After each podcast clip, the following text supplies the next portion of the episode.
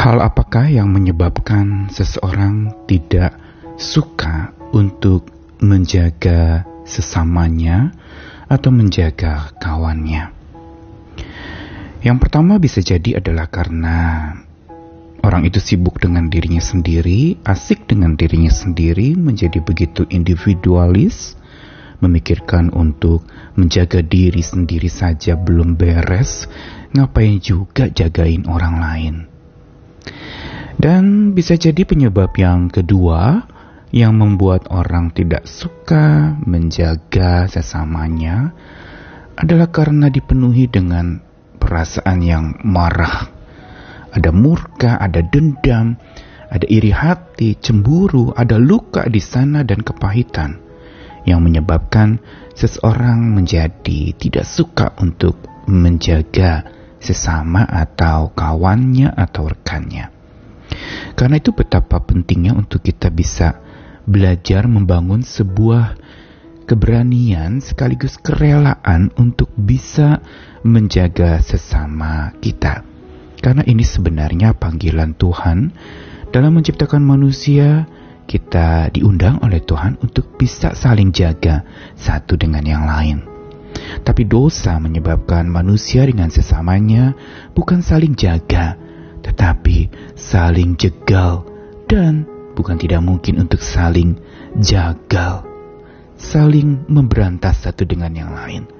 Saling menghalangi dan merintangi satu dengan yang lain, sehingga terjadilah pertikaian yang tidak habis-habisnya. Karenanya kita perlu belajar bagaimana supaya membangun sebuah mentalitas menjaga kawan, menjaga sahabat, menjaga sesama atau rekan yang bersama-sama dengan kita melakukan sebuah perjalanan ziarah menuju dan bersama dengan Tuhan. Pilihannya hanya dua, saling jaga atau saling jagal. Saya Nikolas Kurniawan menemani di dalam Sabda Tuhan. Hari ini dari kisah yang sudah tidak asing lagi dari kejadian pasal 4 ayat 9.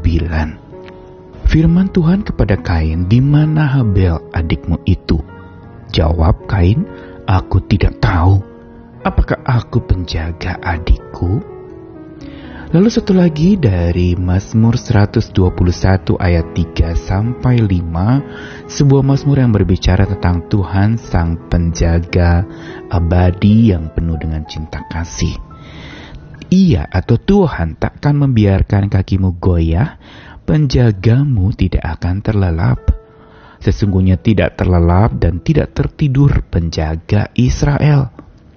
Tuhanlah penjagamu, Tuhanlah naunganmu di sebelah tangan kananmu.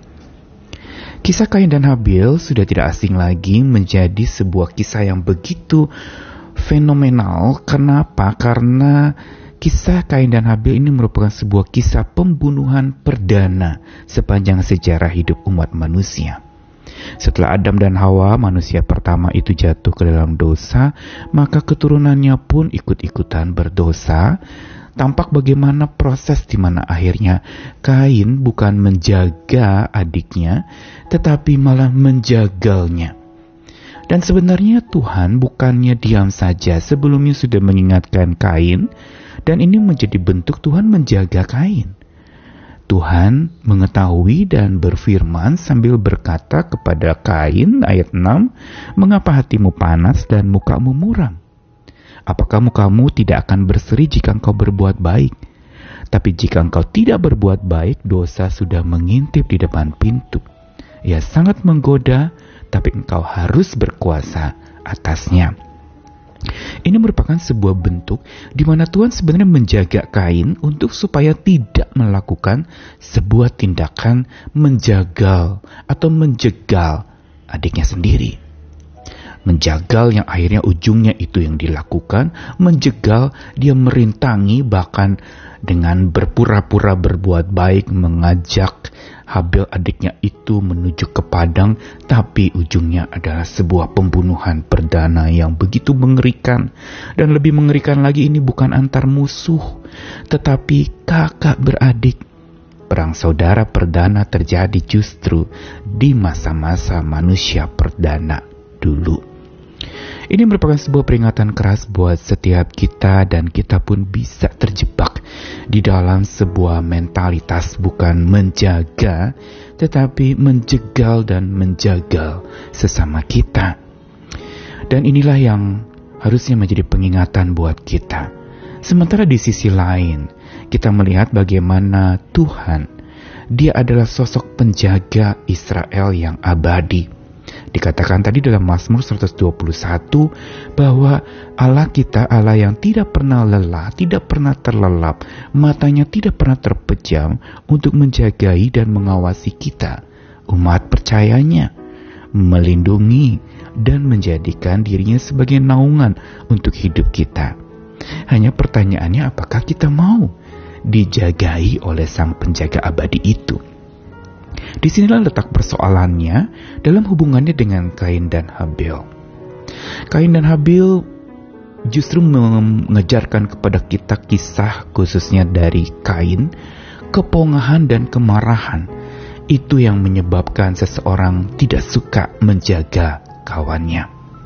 Kepongahan yang memikirkan diri sendiri, kemarahan yang penuh dengan murka dan kepahitan, akhirnya hanya berbuahkan tindakan menjegal dan sekaligus ujungnya menjagal, membunuh dengan keji dan kejam seorang yang harusnya adalah saudaranya.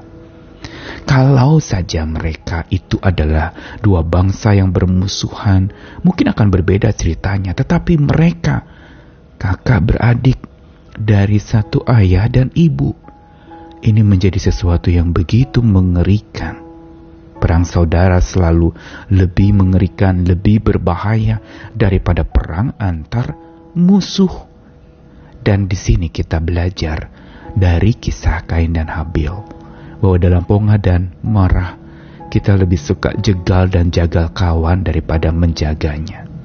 Lalu bagaimana jalan keluarnya supaya kita memiliki mentalitas seorang penjaga? Yang menjaga sesama kita, menjaga kawan kita, menjaga saudara kita, menjaga rekan kita, menjaga sesama orang percaya yang sama-sama beribadah kepada Tuhan yang sama.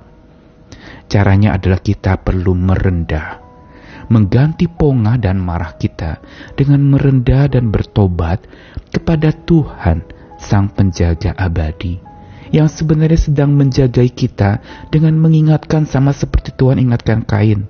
Mengapa hatimu panas? Mengapa mukamu muram? Mengapa engkau tidak berbuat baik? Ingat dosa sudah mengintip di depan pintu.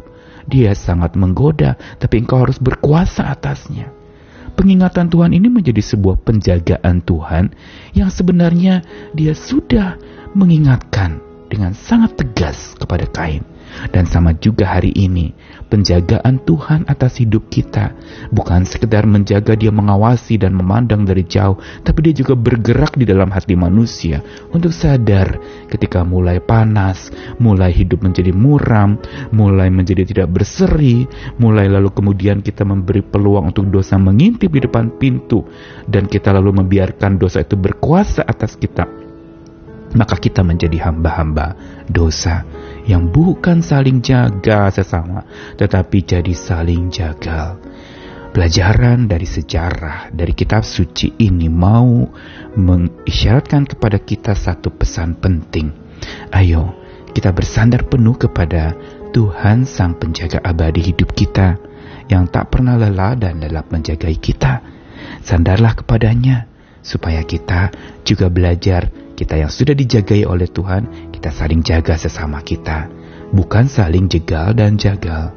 Tuhan memampukan kita, ayo serahkan semua panas hati, serahkan semua muram muka, dan serahkan semua kepahitan di hadapan Tuhan. Dia mampu mengubah itu menjadi hidup yang lebih baik dan memuliakan nama Tuhan. Saling mengasihi, biar sungguh boleh terus mengalir dari hidup kita kepada sesama kita. Dari hati yang lembut, Tuhan yang melembutkan hati kita, maka kita menjadi penjaga-penjaga sesama kita yang baik. Tuhan mengasihi kita, selamat saling menjaga. Amin.